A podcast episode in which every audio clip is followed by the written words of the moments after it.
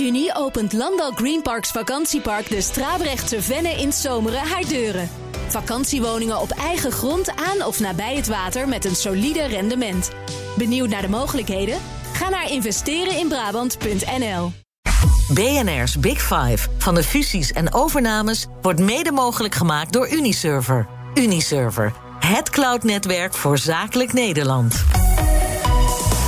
BNR Nieuwsradio. The Big Five. Diana Matroos. Welkom bij BNR's Big Five. Fijn dat je weer luistert. Deze week ga ik het hebben over fusies en overnames. Corona heeft deze markt totaal op zijn kop gezet. Grote deals gingen op het allerlaatste moment niet door. En zo was er bijvoorbeeld ook geruzie over prijzen. Nou, waar ik nou heel erg benieuwd naar ben, hoe bepaal je in deze tijd de waarde van een bedrijf? Hoe krijg je grip op dat hele spel? Want in dit gevecht wil je niet de prooi zijn, maar de winnaar. En daarom spreek ik deze week met vijf kopstukken uit de fusie en overname wereld. En ik trap deze week af met een man die al jarenlang onderzoek daarnaar doet. Zijn naam is Hans Schenk, emeritus hoogleraar economie en bedrijfskunde aan de Universiteit Utrecht. En ook wel de fusieprofessor genoemd, of de overnameprofessor, zo u wilt. Uh, trots op die naam, welkom trouwens. Uh, ja, goedemorgen. Uh, of ik daar trots op ben? Ja, dat is in zekere zin wel. Het is natuurlijk toch dat je een, eh, een gekend uh, deskundige bent op dat terrein. Dat heeft ook al wat jaren gekost voordat je dat binnen hebt, overigens. Maar het betekent dat je zowel op het terrein van wetenschappelijk onderzoek als in uh, de adviesbranche uh, lekker uit de voeten kunt met wat je hebt opgebouwd. Kijk, dat is ook goed voor de portemonnee, portemonnee natuurlijk. Dat kan ook goed voor de portemonnee zijn. Het ligt er een beetje aan wie je tot je klanten rekent. En zo zijn er ook klanten die ik aanzienlijk minder een rekening breng dan anderen. En dat is keurig verdeeld. Maar als we even naar de kranten kijken, de grote uh, verhalen die in de kranten staan, hoe vaak bent u dan toch eventjes betrokken geweest? Nou, op de een of andere manier. Ja, ik heb er nooit een, een tellingje van gemaakt. Maar als je zo. Uh, de grootste 25 overnames in de Nederlandse geschiedenis. Sinds ik zelf op deze aarde sta. Daar zijn er toch wel zeker 15 uh, van uh, ook bij mij langs geweest. Op de een of andere manier. Het zij door de Raad van Commissarissen die een second opinion wil. Het zij een ondernemingsraad die uh, meer wil weten over wat er voor ligt. En in sommige gevallen natuurlijk ook directies. Ja, ja ook gebeld door Herna Verhagen? Nee, daar ben ik nog niet door gebeld. wel door haar voorgangers een aantal keren, maar nog niet door Herna. Nee. Misschien is het mooi voordat we echt helemaal de diepte ingaan. Dat hele spel wat zich allemaal daarachter afspeelt. En, en hoe we daar ook de grip op krijgen. Om toch eventjes het laatste nieuws door te nemen. Want afgelopen vrijdag kwam natuurlijk binnen dat. Uh, en daarom vroeg ik natuurlijk ook even naar PostNL en Herna Verhagen. Uh, dat PostNL toch cent mag overnemen. Na een besluit van demissionair staatssecretaris Mona Keizer. Wat was het allereerste dat u dacht toen u dat hoorde? Nou, eh, zover ga ik niet in op individuele gevallen voordat ik daar eh, zelf iets mee te maken heb. En ik heb PostNL niet meer in mijn portefeuille zitten, eh, omdat ik er ook niet voor gevraagd ben eh, recent om mij daar mijn licht over te maar laten Maar je vindt er toch wel wat van? Eh, nou, eh, ik zou, kijk, de, de overname van Cent is, een, zou ik een hele logische overname vinden, vanuit de gedachte dat we hier toch te maken hebben met een publieke infrastructuur, onder onderdeel van de publieke infrastructuur. Waarvan het maar zeer de vraag is of de privatisering enkele decennia geleden zo'n verstandige zet is geweest. En dat betekent dat uh, er in sommige gevallen, waaronder uh, postbezorging, voor pakketjes wordt dat weer net iets anders. Dus je moet, alles kan altijd weer genuanceerd worden. Maar dat je daar toch uh, veel beter een monopolie kunt creëren met goed toezicht. Ja. En dat betekent dat uh, er toch grenzen gesteld moeten worden aan de privatisering van sommige uh, publieke infrastructuuronderdelen.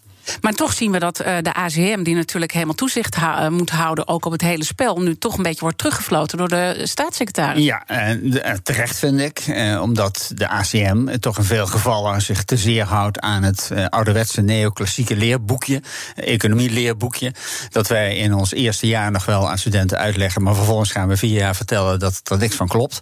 En dat is bij de ACM, vrees ik, toch nog niet in alle rang, rangorders doorgedrongen. Dus op, op het moment dat je een groot en machtig uh, bedrijf hebt, moet dat kunnen als gewoon een aantal punten zo duidelijk uh, dat de levensvatbaarheid en de, de, de, de infrastructuur die heel erg belangrijk is, gewoon onder druk uh, zou komen. En dat heeft natuurlijk vooral te maken met uh, wat wij noemen het, de ontwikkeling van de lange termijn gemiddelde kosten. Hè. Het mag niet zo zijn dat je op die manier werkelijk kostenrekeningen hebt die de pan uitvliegen. maar in veel gevallen zul je zien dat dat heel efficiënt kan. Alleen dan moet dan wel een efficiënt toezicht op zijn. En dat heeft in het verleden niet alleen in ons land hoor, ook in vele andere landen ontbroken. Zou het toch een beetje pijn doen voor de ACM dit? Nou, ik geloof dat ze voldoende, dat ze daar volwassen genoeg zijn inmiddels om te weten dat ze niet altijd gelijk okay, hebben. Goed. Uh, laten we dan ander laatste nieuws pakken. Dat is van KPN. Daar zijn weer geruchten. Nou, die geruchten begonnen ongeveer al in 2013. Hè, uh, dat er allerlei overnamekandidaten waren. Dat liep toen ook helemaal uh, de soep in. Maar nu gaat het om het Zweedse EK2. E QT, moet ik zeggen. En het Amerikaanse Stone Peak Infrastructure Partners zouden een bod van ruim 12,6 miljard uh, voorbereiden. Hoe serieus is dat? Nou, dat is ongetwijfeld serieus. Als de Wall Street Journal daarmee naar buiten komt, dan wordt er echt wel over gesproken. Ik ken deze partijen niet persoonlijk, dus ik kan frank en vrij daar mijn mening over geven. En ik, ik, stel altijd twee vragen. Eén, kan het bedrijfseconomisch uit? En twee, eh, als het niet bedrijfseconomisch uit kan, hebben we dan toch, hebben we dan toch voor over om eh, extra diep in de zakken te tasten. Dat heeft weer te maken met de vraag hoe technologisch uh, geavanceerd is, in dit geval KPN. En kan die technologische voorsprong, avance, gehandhaafd worden of niet? Heb je daar steun van buitenlandse, in dit geval buitenlandse financiers bij nodig? En die eh, vraag zal denk ik heel snel met nee eh, beantwoord worden. Waarmee ik bedoel dat KPN deze buitenlandse financiers financiers echt niet nodig heeft. Gewoon op eigen kracht uh, de technologie. Dus ze zullen dat weer afslaan? Ja. Nou ja, dat is de, vraag is in dit terrein, wat uh, weegt het zwaarst? En wat vaak in overname golven het geval is. Uh, dus dat uh, de spanning van het spel veel zwaarder weegt dan, zoals u al in de inleiding zei, de ratio van het spel. En rationeel zou zijn om uh, eh, EQT en consorten niet toe te laten.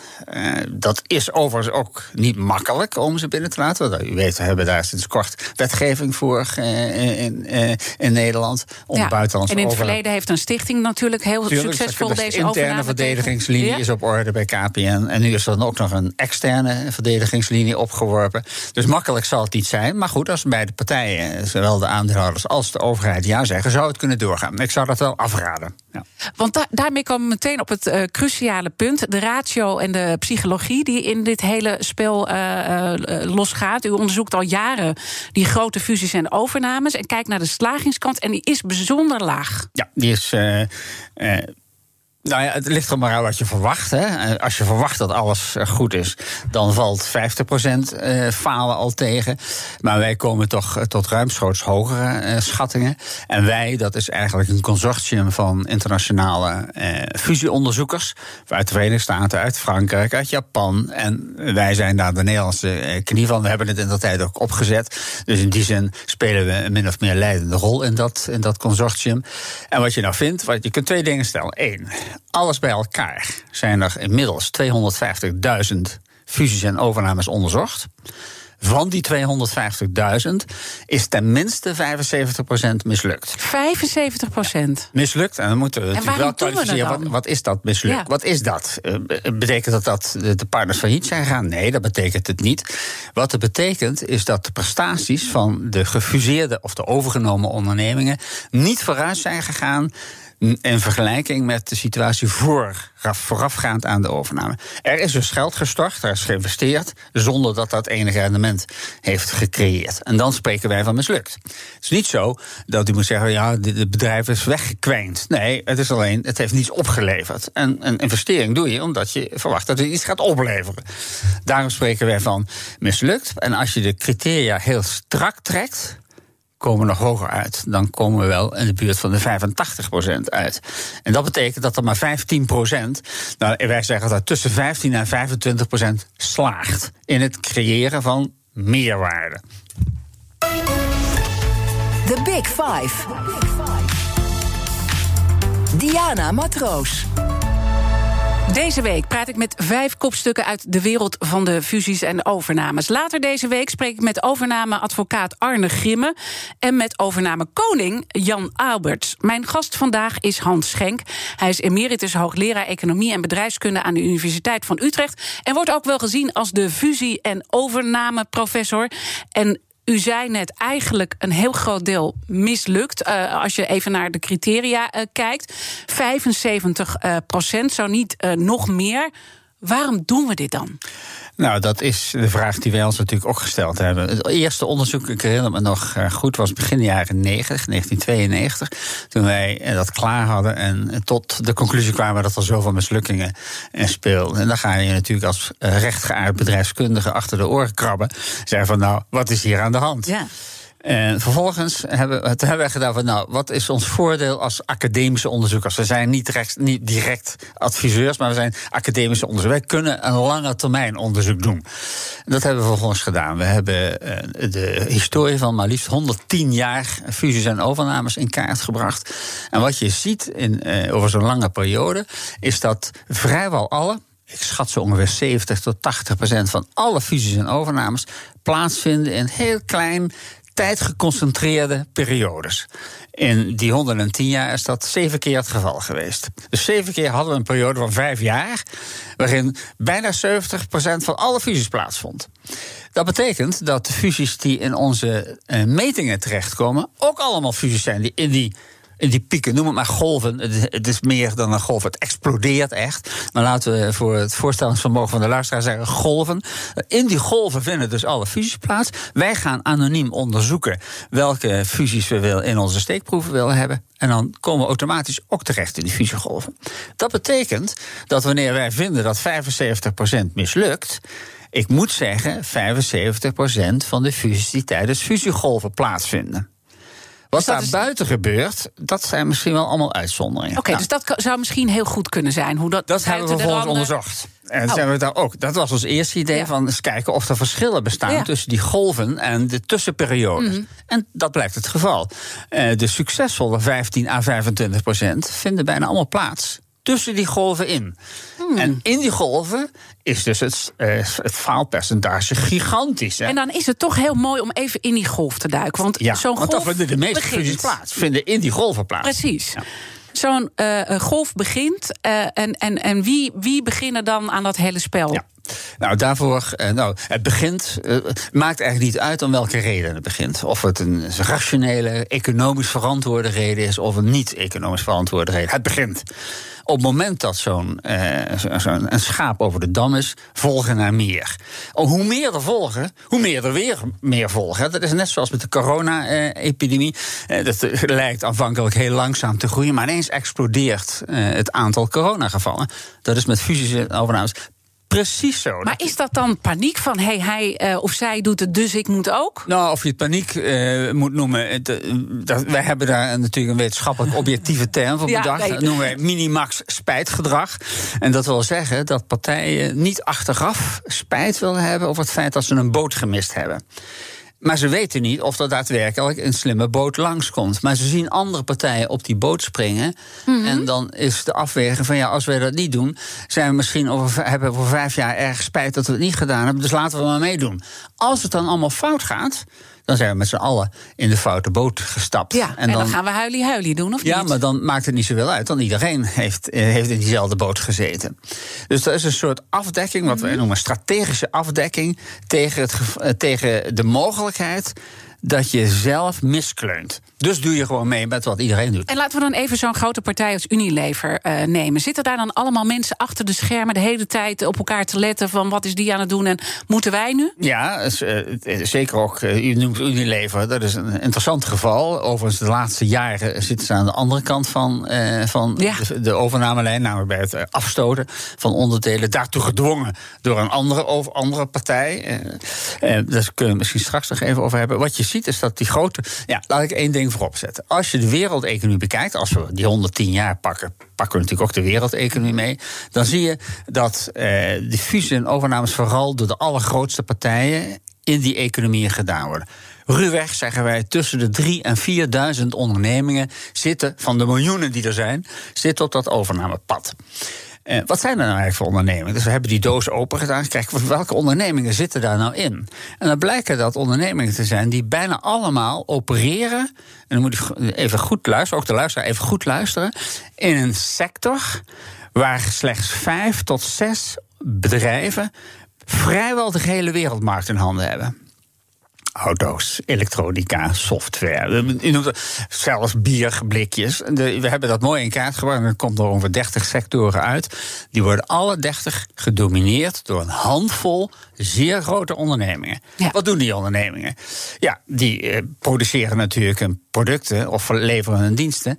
Maar het is voor hen heel belangrijk wat die andere vier of vijf partijen in hun sector doen. En daarom hebben ze allemaal monitorafdelingen. Economen zoals ik, die daar zitten, voortdurend te kijken. Een heel blik vol met. Heel blik vol. Uh, een economische die... afdeling. Inmiddels weet ik niet meer hoe het bij Unilever is. Maar in die tijd dat, wij, dat ik daar ook bezig was, 20 jaar geleden, hadden ze een economische afdeling van 85 economen.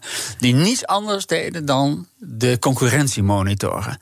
Nou, want dan blijkt op een gegeven moment dat die concurrentie iets doet. En dan moet je meteen afvragen: wat moeten wij? Ja. Je kunt niet altijd precies doorzien waarom die concurrent iets doet. Uh, wat, jij, wat jou is opgevallen. Ja, en loop, wil je dan het risico lopen dat hij uh, een gouden klomp heeft gevonden? Ja. Of niet? Maar, maar, gaat het ook een beetje over het uh, imago? Hè? Want, want, want u zegt als de een gaat, je bent bang om de boot te missen, dus dan gaat de ander ook. Maar is het ook een beetje van laten zien, ik kan er ook eentje overnemen? Of nou, dat speelt eigenlijk. Eh, al dit soort factoren spelen een rol. En die spelen een rol omdat vrijwel al deze partijen beursgenoteerd zijn. Eh, op het moment dat je beursgenoteerd bent, eh, ook al ben je een schoenenpoetser, word je toch vergeleken met een scheepsbouwer. Of ben je een softwareaanbieder, word je toch vergeleken met een hardwareaanbieder. Alhoewel je toch in verschillende marktsegmenten actief bent. Waarom word je met elkaar vergeleken? Omdat je allebei een beursprijs hebt en beurswaarde. En dat betekent dat beleggers, die vaak 0,0 verstand hebben van de activiteiten waar je als onderneming mee bezig bent, wel veel verstand hebben van die cijfertjes op de beurs. En die zien dus variaties in die cijfers en gaan op basis van die variaties in die cijfers jou beoordelen. Als je dat weet als onderneming, ga je dat natuurlijk ook in de gaten houden. En dan is, het, uh, is dat de gemeenschappelijke maatstaf waar alle bedrijven tegen worden afgerekend. En is het dan toch ook een beetje een macho-cultuur? Dat, dat dat tegen elkaar opbieden? Of uh, mag ik dat ja, niet zo zeggen? Ja, we kunnen dat best macho noemen. Uh, maar uh, dan, dan, zou je de vraag moeten stellen... als we daar uh, nou eens een keer vrouwen zouden neerzetten... Wordt het dan beter? Wordt het dan beter? Nou zitten op die plekken vrijwel geen vrouwen... maar er zijn er natuurlijk wel een paar... die laten geen ander gedrag zien op die beurs. Ja, maar dat is vaak zo. Hè? Als er maar een paar zijn, dan ga je toch mee je met daar een, soort meerderheid moeten... Misschien dat dat wel zo is. Er zijn ja, collega's van mij die dat onderzocht hebben. En die zeggen van nou, op het moment dat je meer dan drie eh, vrouwen in de raad van bestuur hebt, dan verandert het beleid. Uh, ik ben, dat is niet mijn vakgebied, dus ik kan daar niet zoveel mm. meer over zeggen dan, dan hen, hen okay. citeren. Maar de druk van die beurs is zodanig groot dat partijen, alhoewel ze vaak denken, kijk mij eens origineel zijn eigenlijk gewoon doen wat wij voorspellen dat ze zullen doen onder die omstandigheden. het begin van die golf pakt, op een gegeven moment gaat er één bewegen. Is degene die als eerste gaat, heeft hij dan toch nog relatief een goede deal? Want ik neem aan die prijzen die gaan op een gegeven moment ook eh, opdrijven. Ja, dat is nog een het, het golfversterkende effect zit het erin dat partijen denken: oh, nu moet ik wel heel snel toehappen, want uh, op het moment dat die golf goed op gang is gekomen, uh, stijgen de prijzen op de beurs en dus ook de premies die ik moet uh, op tafel leggen voordat ik een overname, doen we het binnen kan halen. En dat betekent dat die golven, als je die over die 110 jaar vergelijkt, die zeven golven, steeds eh, feller worden, steeds korter worden. Partijen dat steeds meer in de gaten hebben. Dat het niet gaat om synergie, waar iedereen de mond vol over. Nee, het gaat over dat beursspel. Het spel om elkaar net even de loef af te kunnen steken, eh, zonder dat dat economische waarde creëert. Terwijl dat is wel wat je allemaal aan de voorkant hoort. Samen sterker, efficiënter, kosten besparen. Maar uiteindelijk is dat dus Amerikanen niet. Amerikanen zeggen dat is baloney. Dat is onzin. Ja, En, en, dan, en dan is het een feit, dan is die overname uh, gebeurd of die fusie heeft uh, plaatsgevonden. En dan gaat het dus uiteindelijk dan toch mis. Vaak. Ja, nou, het gaat mis in die zin dat er geen meerwaarde wordt gecreëerd. Hè. Nogmaals, het gaat niet mis in de zin dat er deconfitures volgen. Overigens toch altijd in 15% van de gevallen wel. Dus het gaat echt in 15% van de gevallen heel erg verkeerd. Maar in de grote meerderheid van de gevallen wordt er gewoon geïnvesteerd zonder dat er meerwaarde wordt gecreëerd. En dan kwalificeren wij dat als een mislukking. En als we dan, uh, hè, want dan krijgen, kom, krijgen de saneerders komen in beeld en uiteindelijk de private equity wordt er natuurlijk beter van. Nou, want die gaat al dat sprokkelwerk natuurlijk leuk. Precies, dat is het leuke. Als je, als je de, de, mogelijkheid hebt om zo'n hele lange termijn eh, te overzien, dan zie je dat uh, die golven niet allemaal hetzelfde karakter hebben. Je hebt eerst een strategische golf, waarin dat spel zich voordoet wat we net bespraken, mm -hmm. met, die, met die beursgerelateerde kwesties. En vervolgens zitten bedrijven met allerlei kneusjes in hun maag. Daar moet ook iets mee gebeuren. En daar komt private equity dan juist vaak om de hoek kijken. Die kopen die kneusjes tegen, uh, tegen zeer lage bedrijven. Want het bedrijf wil er vanaf. Nou, dan zegt private equity: kom maar hier, ik ben wel bereid. En vervolgens uh, is het ook niet makkelijk om zeer hoge rendementen in de private equity sector te realiseren. Want je hebt voor een prikkie uh, je doelwitten binnengekregen. Ik hoor al een beetje tussen de regels door de, de learnings die we moeten trekken. Maar ik heb eerst nog even een. En daar gaan we straks nog verder op in. Maar eerst nog even een kettingvraag. Want onze gasten stellen elkaar vragen. En in de vorige aflevering was hier Petra de Koning, NRC-journalist en schrijver van het boek Mark Rutte. En zij sprak met Art Rooijakkers vorige week in BNR's Big Five van de formatie. En ze had een hele boeiende uh, vraag. Ik zou het wel leuk vinden om hem vanuit zijn vakgebied uh, uh, te laten nadenken over dat van mij. En dan ben ik heel benieuwd naar die linkse partijen waar we het net over hadden. Denkt hij dat een fusie van de linkse partijen uh, onvermijdelijk is? En wat zou die, die partijen dan adviseren over de aanpak daarvan? Altijd leuk om iemand uh, nou ja, over een ander vakgebied even te horen, toch met al die kennis. Wat, wat zou je advies zijn? Ja, het, kijk, nou, uh, laat ik er dit van zeggen. Ik ben econoom en bedrijfskundige en geen politicoloog, laat staan politicus. Uh, dus ik kan daar eigenlijk niks zin, zinvols over zeggen. Want dat is een, een, fusie, als er dan een fusie zou worden. Een, een fusievraag. Die slaat op een totaal ander segment van de maatschappij. dan waar toch, ik mij bezig Om een beetje te filosoferen. Uh, ja, dan ga, maar dan ga ik toch vooral kijken naar uh, de, vers, de versplintering die, heeft opgetreden, die is opgetreden bij de laatste verkiezingen. met heel veel kleine partijtjes. En kennelijk is er toch ook in de markt, als je de, de, de stemmer tot markt zou willen bestempelen behoefte aan uh, het uh, kiezen van mensen die heel nauw bij jouw eigen identiteit en, en jouw groepsgevoel, als je het zo wil zeggen, horen, passen. En in dat kader past fusie niet.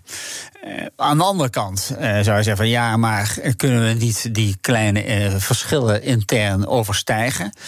zou dat niet veel makkelijker zijn als je een vuist moet maken in Den Haag? Ja, daar zit dan wel wat in. Uh, er zijn natuurlijk ook heel veel tussenvormen uh, denkbaar. Zeer sterke samenwerking, allianties uh, en wat dies meer zei.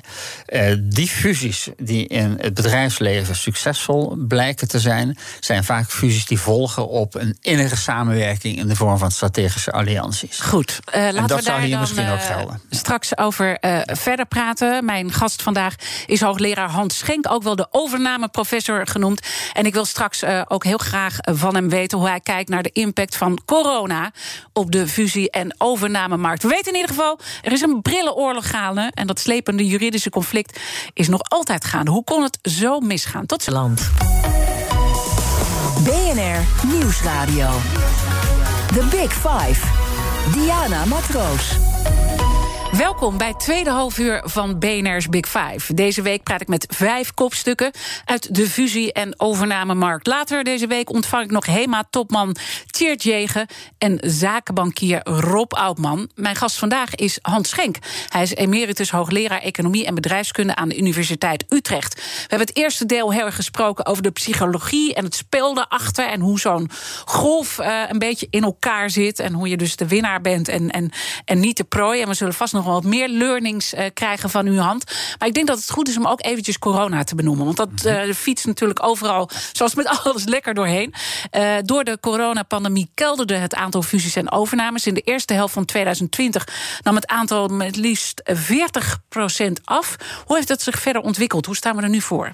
Nou, uh, daar is uh, nog niet zo heel veel over te zeggen. Want die coronagolf die loopt nog steeds. Hè. Uh, de vraag is meer, wat, wat maakt nou dat een fusiegolf ontstaat? Dan komen we toch wel terug bij die psychologie. Maar laten we even de ouderwetse econoom spelen. dan kijken wij naar wat wij noemen fundamentele waarden. Werkgelegenheidsontwikkeling, bruto nationaal productontwikkeling, rentevoetontwikkeling, inflatieontwikkeling. En we kijken of al die factoren invloed hebben op het tot stand komen van een golf, dan wel op het weer wegkwijnen van een golf. En tot, onze grote, tot de grote teleurstelling van die ouderwetse economen, moet ik dan zeggen, is dat niet het geval. Dus die fundamentele variabelen hebben geen relatie, of althans geen eenduidige relatie met het ontstaan van golven. Nu zitten we in een corona-periode. Wat dus is, de hele economie is natuurlijk op eh, tot stilstand gekomen, althans voor een deel. En de vraag is: eh, heeft dat effect op eh, de fusie en overname? Zoals zij dat noemen, incidentie. Het optreden van. Mhm. Ja, ja, in eerste instantie in ieder geval duidelijk, wel. Duidelijk, duidelijk je kunt niet zeggen, ja, dat is misschien nog wel iets anders geweest. Gaat hard naar beneden.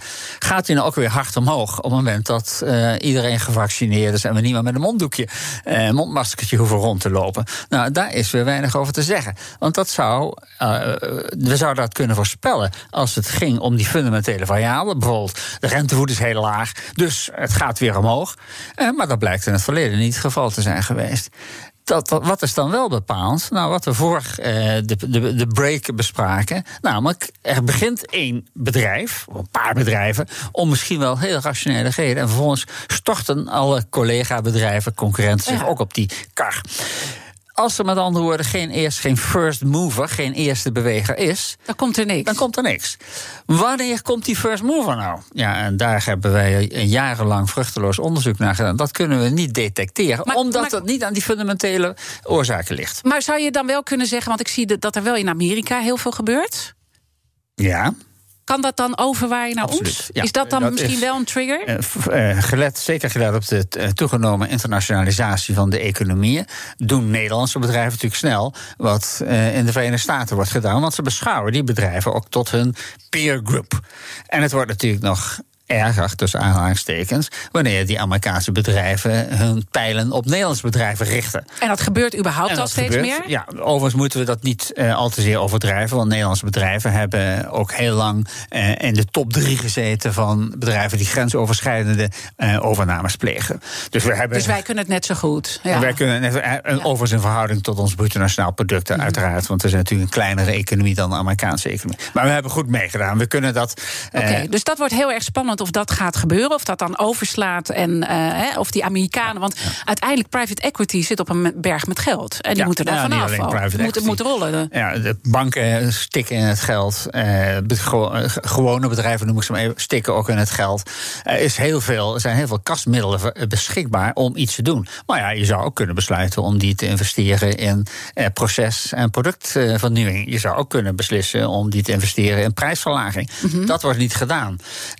En dat betekent dat die oorlogskassen eh, klaar liggen om de oorlog te spelen wanneer die gespeeld wordt. Maar wanneer die gespeeld wordt, dat kunnen we weer niet voorspellen. Dus het blijft uh, spannend. Intussen zien we dat er heel veel oneenigheid uh, is ontstaan. Ja. Er is ruzie over de prijzen. Er is discussie over de vraag hoeveel is een bedrijf na corona nog waard. Uh, wel, welke situaties vindt u nou het meest boeiend om te zien wat daar nou allemaal gebeurt? Nou, ik vind het meest boeiend om de, de argumentaties te volgen die partijen zelf volgen op het dat ze voor de rechter staan. En we hebben dat natuurlijk in een paar gevallen gezien. Er zijn er een stuk of 150 voor de rechter terecht. Ja, zullen we even de brillen oorlog pakken? Maar een Nederlands bedrijf is natuurlijk Grand Vision... dat als onderdeel van HAL, althans laat ik zo zeggen... het aandeel van HAL werd aangeboden aan... Is ook eigenaar van BNR, Nee, ja, werd aangeboden aan, ja. aan Luxottica. En de vraag is, daar is oneenigheid bestaan, ontstaan. vooral doordat Grand Vision maatregelen nam... gelet op het ontstaan van de epidemie. En dat Luxottica wilde dat die maatregelen eerst met uh, de potentiële toekomstige eigenaar. Luxottica zou zijn, zouden zijn uh, overlegd. En dat was niet gebeurd. Uh, men heeft dus beslag laten leggen op uh, ja, de Dat was al ongekend, hè? Dat er gewoon Dat was tamelijk om. om ja? ja? En vervolgens geëist om inzage in die besluitvorming te krijgen. Maar de rechter heeft, heeft dat alweer niet, niet gesteld? Terecht, vind ik. Oh ja? Ja, ja want de, de, de deal was nog niet volledig afgerond. En zolang die deal niet volledig afgerond is, geef je toch een concurrent een kijkje in de keuken. maar die argumentatie, je zien hoe Luxottica toch weer kan volhouden dat, dat, helemaal, dat ze eigenlijk helemaal geen concurrent meer zijn. Omdat ze straks toch eigenaar zijn. Maar op dit moment nog wel. Nou, hoe advocaten dat plooien, vind ik een heel boeiend uh, proces. En is het dan ook een beetje dat corona wordt gebruikt? Uh, want dat, ja, dat voeren ze aan. Hè? Uh, maar Zeker, ook, ja. om gewoon even een leukere, lagere prijs te ja, nou, trekken. Uiteindelijk, laat ik even bij het begin beginnen. u vroeg straks, hoe kan het dat zoveel fusies mislukken? Nou, dan is mijn eerste antwoord is omdat er geen meerwaarde wordt gecreëerd en er ook geen economische argumenten zijn om te verwachten dat er economische meerwaarde zou worden gecreëerd. Eh, maar tegelijkertijd wordt er wel een premie betaald bovenop de prijs die aan, op de beurs, voor als het een beursgenoteerd doelwit betreft, eh, actueel is. Die marge, die, die, die premie, die moet je in ieder geval terug zien te verdienen. Nou, die premies die lopen natuurlijk gedurende de diffusiegolf flink op, tot wel 60, 70, 80 en in sommige gevallen wel 100 procent. Dat betekent dat je een enorme procesverbetering moet realiseren om die premie weer te kunnen terugverdienen. Bedrijven weten dat. Die zijn ook niet gek. Ik kom er ook vaak genoeg eh, op een uitnodiging langs. En ja, meneer Schenk, het klopt inderdaad. Maar wij zitten toch ook met onze handen gebonden. Dat mhm. klopt. Ik zou misschien in hun positie precies hetzelfde doen. Maar waar het om gaat is dat die premie is betaald. En uiteraard trekken eh, partijen alle registers open om die premie omlaag te krijgen. En dat is nu wat er aan de hand is. En dat is wat nu aan de hand is. Dus, dus proberen die... escaleert het ook. Uh... Ja. En natuurlijk de ontvanger. Maar wat moeten we hier nu van leren? Nou, we moeten ervan leren dat, uh, als ik het zo mag zeggen, het hele fusie- en overnamegebeuren. Overigens, de meeste fusies zijn overnames en 90% betreft een overname. Dus ik moet eigenlijk gewoon zeggen, de overnames uh, vrijwel geen economische grondslag hebben maar vooral een financiële grondslag in het spel van beleggers die proberen een slaatje te slaan uit een omstandigheid die zich voordoet. Bijvoorbeeld een fusiegolf. Denk, ja, nu slaan we toe. En, en wordt u er dan wel eens moedeloos eh, van? Of, of vindt u dat eigenlijk wel prima dat het zo is? En is, is dat nou, luister, ook wel ik, uh, leuk om naar te kijken? Je moet als onderzoeker niet al te moedeloos worden. Van, dat zou je dus bij het RIVM moeten gaan vragen... hoe moedeloos ze daar niet worden over de besluitvorming... betrekking tot het soepelen of juist niet versoepelen van de, maat, van de coronamaatregelen. Die zijn ook niet, zeggen ook niet, oh, wat gebeurt er? Ik ben ook ik ben een observator, ik analyseer en ik vertel partijen, als ze mij eh, vragen, wat ze in een gegeven situatie, die toch weer altijd afwijkt van wat wij als eh, van die, van die 250.000 fusies vinden, eh, wat dan het geval zou moeten zijn. Laten we zo meteen verder praten, ook over specs. BNR Nieuwsradio. The Big Five. Diana Matroos. Je luistert naar BNR's Big Five van de fusies en overnames. Mijn gast is Hans Schenk, emeritus hoogleraar economie en bedrijfskunde aan de Universiteit Utrecht. Uh, die uh, ruzie waren we aangekomen over de prijzen en dat uh, hele spul uit onderhandelen en corona ook een beetje gebruiken. Want Essilor Luxottica had ook een break-up fee kunnen laten betalen en van de overname kunnen afzien, toch? Ja, dat kan. Het is wel enige honderden miljoenen die dat moeten overmaken. Overigens voor het eerst. We kunnen ons herinneren dat KLM ook een paar honderd miljoen heeft moeten betalen. toen men de overname van Alitalia, wanneer was dat ook weer bijna twintig jaar geleden, eh, niet eh, wilde laten doorgaan. Dat is van eh, partijen calculeren dat gewoon in. Ook al gaat het om heel grote bedragen. Uh, maar uh, wat het interessante is, is dat je voortdurend dat gevecht uh, ziet om de poen. Iedereen weet dat er veel te veel wordt betaald voor fusies en overnames. En dus grijp je iedere mogelijkheid aan om daar iets van af te kunnen trekken als koper. Ja. Als verkoper wil je natuurlijk die prijs zo hoog mogelijk houden. Ja, en dat spel, dat zoals ik zei, is losgeslagen van de fundamentele economische voorwaarden en, en argumenten. Heeft niets meer te maken met uh, schaalvergroting, met uh, efficiëntie, productiviteitsverhoging. Heeft er niets mee te maken. Het is, het is, nou ja, kul. Uh, ik, die, dat woord gebruik ik niet zo vaak. Maar het heeft vooral, wanneer we het over grote ondernemingen hebben. U, zei, u begon de uitzending om te zeggen dat Schenk grote ondernemingen, grote fusies heeft onderzocht. Dat klopt. De kleintjes vaak van niet beursgenoteerde ondernemingen vallen buiten dit hele hoofdstuk. Hè. Daar hebben we geen data van. Nee. Uh, die data en ook niet wat buiten de, de golf uh, plaatsvindt. U richt Jawel, met name buiten op de golf, dat hebben we wel op het moment dat het toch grote Ja. bedrijven en dan gaat het een stuk beter. Hè. Wat mij trouwens opvalt, eh, het viel al een paar keer Air France eh, KLM. eh, ehm, en u zegt nou, best geslaagde fusie. Maar KLM, een heleboel mensen vinden dat geen geslaagde fusie. Nou, ik heb niet gezegd dat ik een geslaagde fusie eh, vind. Eh, de vraag is, eh, gegeven de mogelijkheden toen wat KLM moest doen. En nou is het een beetje uh, terugkijken. Ja, terugkijken is altijd makkelijk, zal ik maar zeggen. Uh, de overname van Alitalia, dat zou een, een groot uh, vat vol verdrietdruppels zijn geweest. het samengaan of het verkopen van een groot aantal aandelen in KLM aan Air France lag iets meer voor de hand dan Alitalia mm -hmm. of British Airways. En je zou misschien moeten zeggen dat ze het al zo lang hebben volgehouden. Ja, het gaat natuurlijk met strubbelingen. Ja, maar, maar het is nou niet nog wel zo. samen. Het is niet een, een, een Daimler-Chrysler geval, hè, dat werkelijk diep treurig was. Uh, het, gaat, het gaat best redelijk. En in die zin kun je misschien wel spreken van, spreken van een geslaagde uh, fusie. Uh, de vraag uiteindelijk is of KLM niet toch beter de kleintjes in Europa onder de paraplu had moeten vegen. Waardoor er naast Air France, naast Lufthansa, naast British Airways Mhm. een, een, een Collective Airways Europe zou zijn ontstaan. Maar uh, dan moet je toch echt wel diep in die kwestie duiken om daar iets zinvols over te kunnen zeggen. Ja, maar, maar, zou ik wel kunnen zeggen of deze coronatijd dat misschien toch weer in beweging zou ja, kunnen nou ja, brengen? die coronatijd brengt natuurlijk zeker in die uh, openbaar vervoer en, en uh, sector en, en in de horecasector en in het, ja, je mag dat ook wel openbaar vervoer noemen, hè, de ja. lucht, luchtvervoer, mm -hmm. is, is dodelijk. en daar is helaas niets of heel weinig aan te doen buiten overheids- of gemeen, gemeenschapsondersteuning. Maar dat zou misschien dan toch ook een moment kunnen zijn waar partijen dan toch weer andere combinaties gaan zoeken. Nou ja, je kunt je wel afleggen. voorstellen dat ze nu bezig zijn met hoe, hoe zal het straks zijn. En is het gelet op wat straks zal zijn, nog steeds verstandig om deze fusie uh, vol te houden? Ja.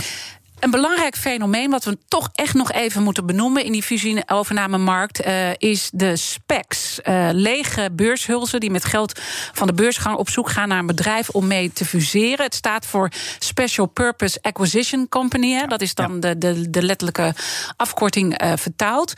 deze markt is intussen goed voor een kwart van de waarde van alle fusies en overnames. Waarom wint dit zo aan terrein?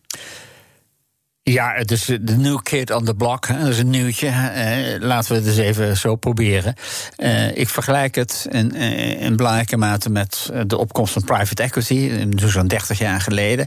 Ook nieuwe, nieuwe, nieuwe juridische vormgeving. En nieuwe financiële vormgeving bedacht. Mm -hmm. En die specs zijn eigenlijk heel erg te vergelijken met private equity. Alleen bij private equity gaat het niet per se om een beursgenoteerde lege huls. Maar gaat het om privaat vermogen. Uh, hier gaat het om publiek vermogen. Er wordt een onderneming opgericht, een lege huls. Daar uh, stappen aandeelhouders in. En die lege huls gaat op zoek naar een, uh, een target, naar een doelwit. Om vervolgens activiteiten te kunnen gaan ondernemen. Maar het idee erachter is heel erg vergelijkbaar met private equity. Wij hebben ja. een fonds, of wij kunnen een beroep doen op, op, -huh. op aandeelhouders. Wij gaan zoeken.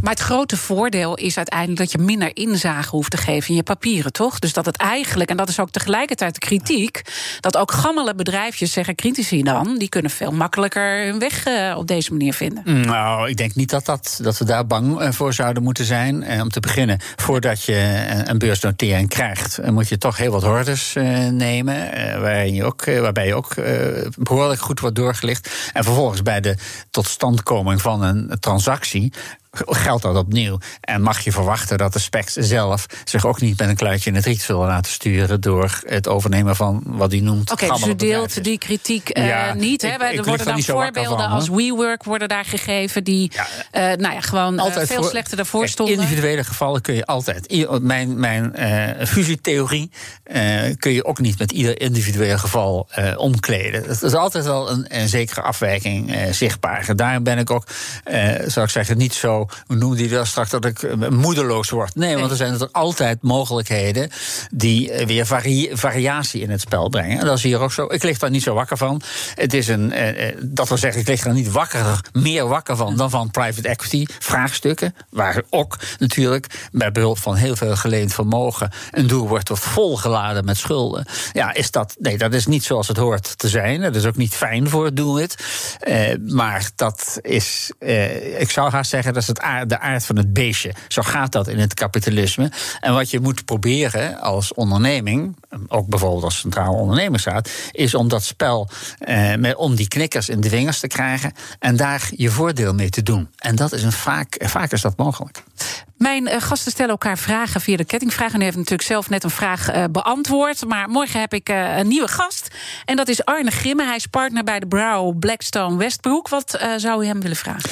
Nou, er zijn heel veel vragen die ik best wel met hem zou willen doorspreken. In het verleden deden we dat ook. Hè. We hadden een soort gespreksgroep van grote advocatenkantoren en wetenschappers. Maar die is een zachte dood gestorven. Ach, en ik waarom heb... was het niet meer boeiend dan? Nou, het was, ik denk dat de, de deelnemers aan dit aan deze gespreksgroep te veel drukte hadden in hun eigen tuin. om ook nog eens gezamenlijk een tuintjes te wieden. De vraag is of dat goed is, maar oké. Okay. de, de vraag die u zou willen stellen. Wat, meneer Grimme is natuurlijk ook bezig geweest met Nobel. in het bijzonder met de verdediging van Axel Nobel tegen de overnamepoging van PPG.